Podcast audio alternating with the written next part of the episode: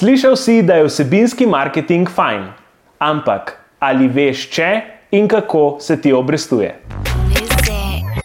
Dobrodošli v Point Out Weekly podcastu, oddaji za vse, ki vas zanima digitalni marketing. Vsak teden pokrijemo eno digitalno tematiko ali pa gostimo zanimive in priznane posameznike z marketinškega področja. Spremljanjem oddaje Point Out Weekly boš izvedel za najnovejše taktike, pripravo najboljših strategij, uporabo urodij za boljše rezultate in prejel na svete, ki jih lahko takoj uporabiš v praksi.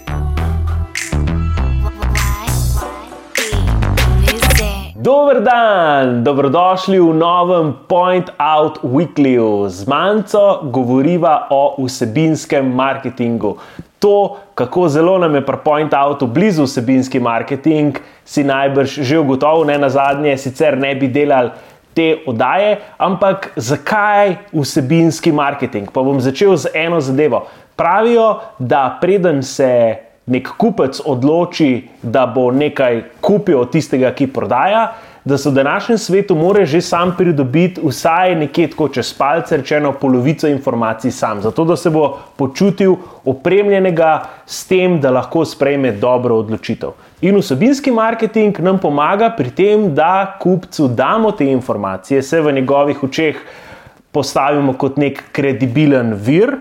In na ta način ga seveda tudi nekako navežemo na sebe, mu damo to neko sugestijo, da bomo pa mi mogoče tisti pravi, ki se bo on enkrat odločil za nakup, da bo ta nakup seveda tudi opravil pri nas.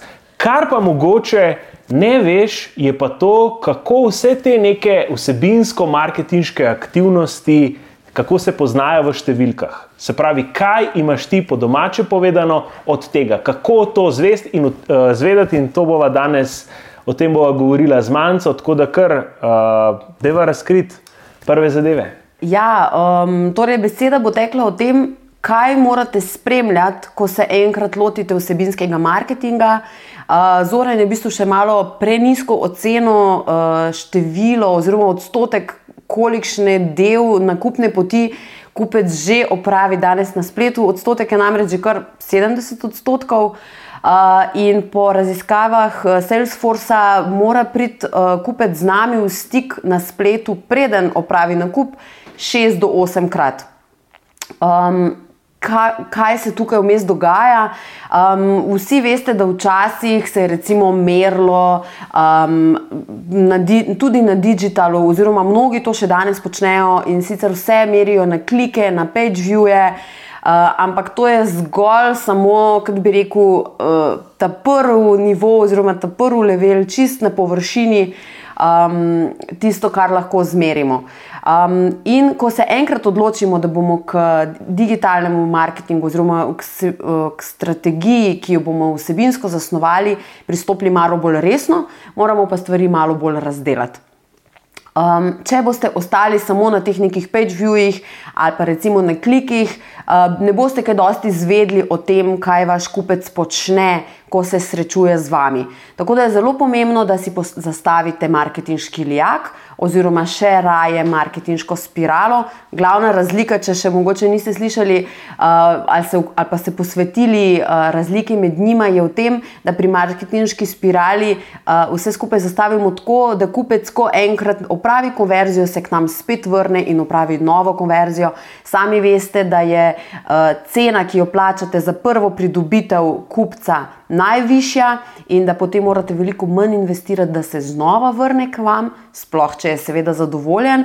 Um, tako da se pravi, ko boste si zastavili enkrat marketinški lijak oziroma marketinško spiralo, uh, si morate za vsako od faz, v kateri se znajde vaš kupec. Oziroma, vaš potencijalni kupec, vaš uporabnik, zastavi tudi cilje ti cilji, ki PI jim po domače rečemo, oziroma na kratko z um, kratico, morajo biti specifični, merljivi, dosegljivi, uh, relevantni in postavljeni v nek časovni okvir. Se pravi, ne kar neki, ampak zelo natančno določeni, vnaprej, seveda. Um, in, Če lahko samo malo ja. skočim, prej si tudi, ko si omenjala, uh, predvsem te osnovne neke metrike se pravi, klike, oglede strani in tako dalje. ena izmed takih metrik, ki jo predvsem, kar opažam sam, pa me popravi, če ti mogoče drugače vidiš, je predvsem ta večja podjetja, ki so bolj v stiku z nekimi tradicionalnimi oblikami oglaševanja kot je TV, je ena izmed glavnih metrik, ki jih zanima, je doseg. Doseg je taka precej splošna, ker ne na zadnje dosežemo lahko ogromno ljudi. Zdaj pa smo dosegli prave, a smo dosegli tiste, ki jih bo to dejansko zanimalo, a smo dosegli take, ki bodo potem kasneje se dejansko preobrnili v neke lide in kasneje v kupce.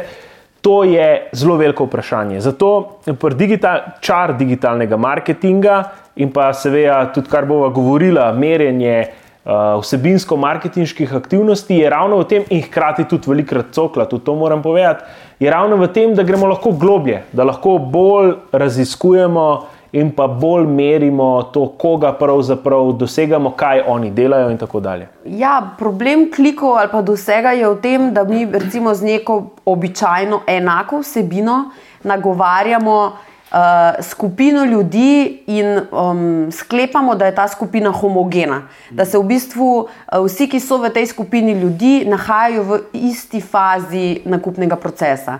Zdaj pa imamo nekoga, ki že, recimo, če rečemo, um, da se za nakup avtomobila ljudje uh, odločajo več kot eno leto, se pravi, več kot eno leto so v tem nekem našem marketinškem lijaku. Ne? In mi, recimo, te ljudi v bistvu večinoma preko tradicionalnih kanalov nagovarjamo z oglasom, ki bi mu, recimo, mi rekli v digitalnem žargonu, ki spada v awareness fazo. Ne? In zdaj bom v bistvu mogoče se predstavljal malo naprej. Se pravi, um, v glavnini marketinški lijak razdelimo na tri faze: uh, fazo awarenessa oziroma prepoznavnosti.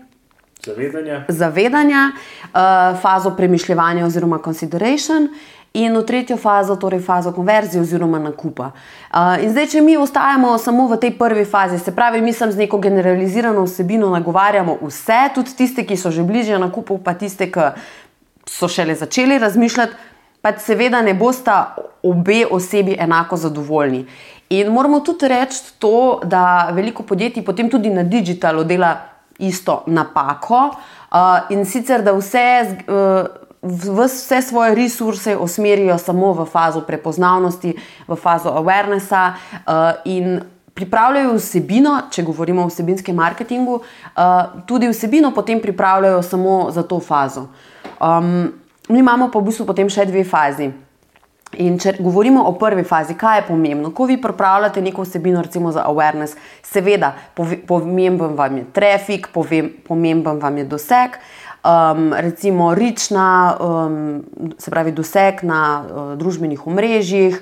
Uh, pomemben vam je recimo potem bolj specifično na spletni strani, kakšen je bounce rate, ko, se pravi koliko ljudi, ki je prišlo na, na vašo spletno stran, je potem takoj spet odšlo, se pravi tistih očitno niste zadeli ta pravih.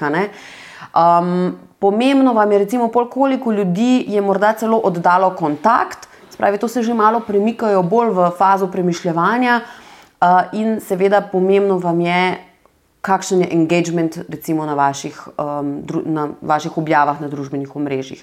Pa potem še recimo video viewji, kako se ranking vaše spletne strani spremenja, koliko časa ljudje preživijo na vaši spletni strani. To je ta awareness faza, ta prva. Mogoče bi tukaj samo to poudaril, da kar tudi opažam preko izkušenja, da velikrat podjetja ne razumejo najbolj teh različnih metrik in kaj nam govorijo. Zdaj, ni namen, da v tej vdaji greva po vseh metrikah in vsako razloživa, ali pa jo vsaj poskušava uh, razložiti. Je pa bistveno, da ko si določaš te neke cilje, že v tej prvi fazi, da dobro razumeš, kaj je tvoj splošen cilj in kako ga boš meril. Ali je tista metrika, ki si jo izbral, res najbolj pomembna. Ne, ker jaz velikrat vprašam tako ljudi, imate ključno kreativa, je recimo video. Uh -huh.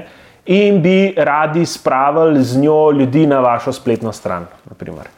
Kaj bi bil vaš izbran cilj? In velikrat ljudje na prvo žogo rečejo: Ja, ogledi video. Ker če bomo ogledali si uh, video, ne, uh, več ljudi, ki si bo gledal, več ljudi bo prišel na spletno stran. Ne, ni to ključna metrika. Vi želite ljudi spraviti na spletno stran. Torej, morate meriti obiske spletne strani, ne oglede. videov?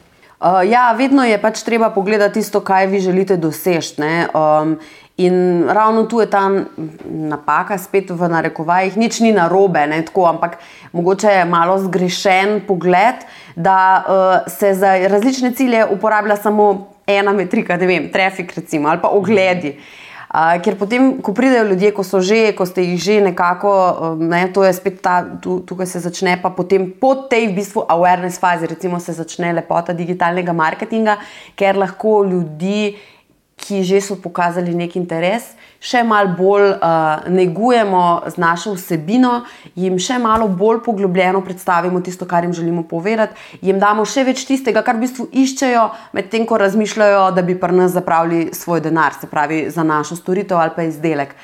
In takrat je pa recimo že pomembno, da jim damo nekaj več, jim mogoče malo bolj podrobno, s kakšnim bolj podrobnim blogom, recimo povemo, um, kaj so recimo prednosti našega izdelka ali pa storitve. Um, recimo jim morda že pošljemo kakšno malo bolj, recimo kakšno e-mail sporočilo, uh, potem pri tem e-mail sporočilu tudi pogledamo, koliko ljudi je recimo odprlo to e-mail sporočilo, pogledamo, koliko ljudi je prebralo naše bolj specifične recimo um, opise nekega izdelka. Uh, se pravi, gremo malo v bolj podroben pogled, kaj se dogaja z našo vsebino. Ja, to, eh, reče, to, kar govoriva, je v bistvu nurturing, poslovensko ja. negovanje teh odnosov. Zdaj, večji ko je scale, več ko imamo mi enkrat ljudi, ki obiskujejo, ki puščajo svoje podatke, težje to delamo ročno ali pa osebno. Uh mhm. -huh. Zato obstajajo najrazličnejša orodja, ki, se, ki jih velja tudi preizkusiti, sprobati, upeljati. Uh, ker enostavno, kasneje, sploh pri, kot sem rekel, pri masi, ne, mogoče še znese pri uh, nekih, mogoče bolj B2B, oziroma ko prodajamo neposredno podjetjem, ne končnim kupcem, še znese, ampak tudi tam velikrat pride do nekih čist človeških. Uh, napak ali pa da nekdo kaj spregleda, zato je fajn vse te neke procese ali pa urodje tudi upeljati za, za nurturing. Ja, ker potem, ko mi vemo, ko smo že nekoga malo negovali, recimo, ko smo tistega, ki se je v prvi fazi zanimal recimo, za nakup avtomobila in potem je že recimo postil kontakt in smo mu mi že poslali nek recimo fin predstavitveni e-mail naših, naše ponudbe in je morda to pogledal, ne, je fajn, da mi vemo, kdo je ta bil ne, in da mu potem vemo ga napotiti globlje v naš lijak oziroma v našo spiralo, um, kjer mu bomo dejansko lahko potem nekaj prodali. Ne. Recimo, kako lahko naredimo to. Um, z nekim pro, de, direktnim prodajnim e-mailom, za neko, za recimo oglaševanjem neke direktne ponudbe. Recimo, uh, pokažemo neko direktno ponudbo, ki jo imamo tistim, ki so si recimo v prvi fazi ogledali naš video, ali pa recimo v drugi fazi, ki so že postili recimo e-mail in potem jim lahko mi recimo z um, remarketingom pa pokažemo neko konkretno ponudbo um, za nek ne vem, paket uh, storitev ali pa za nek izdelek, ki se recimo jih je zanimal. Ne. Se pravi, da v bistvu jih vodimo do tistega zadnjega koraka uh, in seveda, ne, ko so že, bomo rekli, primerno ogreti. Ja, če si predstavljamo to vodenje, o katerem je ravno kar Manca govorila, če si bil kdaj na kakem večjem letališču, si mogoče naletel na tiste tekoče trakove, ki ti pomagajo, ko hodiš čez, uh, čez letališče, da si nekoliko hitrejši, da se hitreje premikaš. In to je to. Ne? Lahko pustimo, seveda, kupca ali pa nekega potencialni kontakt, da se sam premika ne naprej, lahko mu pa mal. Kot z nekim tekočim trakom pomagamo in ga hitreje potiskamo naprej, ker bistvo, uh, ko se lotevamo vsebinskega marketinga, ne sme ostati pri tej prvi fazi, ampak moramo konstantno razmišljati o tem, kaj je končni cilj. Ja, Um, doskrat, recimo, mi imamo primere, um, ko se uh, ko klienti želijo v bistvu od nas najprej samo uh, prvo fazo, ampak uh, ko ugotovijo, da v bistvu se da še marsikaj narediti za drugo in za tretjo fazo, in kako lepo se da v bistvu to pospešiti, ta proces. Uh, in potem mogoče spet človeka celo vrniti, oziroma recimo neko stranko vrniti nazaj, da bo znova in znova v bistvu zavrtel v tej spirali, da bo znova kupil uh, um, ali pa recimo najel našo storitev, um, pa se jih večina potem odloči tudi za drugo in tretjo fazo, oziroma da bodo pripravili recimo vsebine. Um.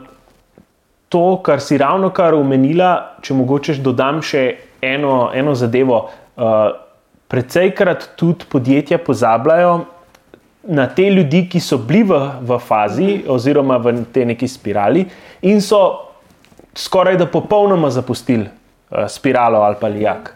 Ne, ni neke posebne taktike ali pa strategije, kako jih pripeljati nazaj noter.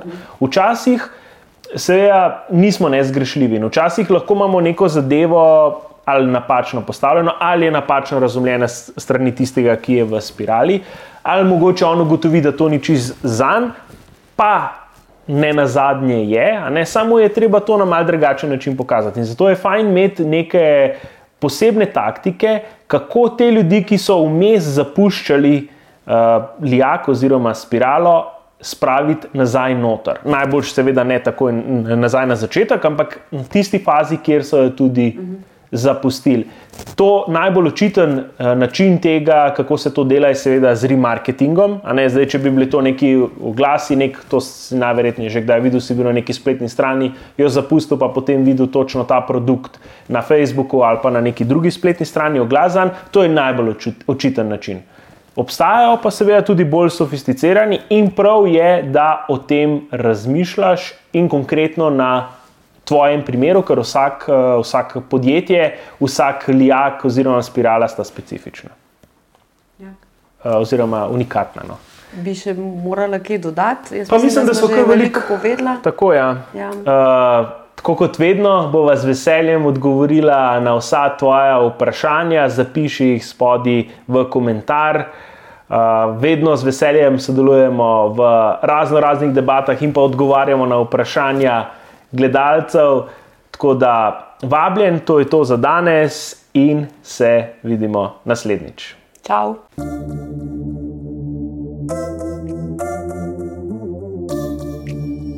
Why? Why?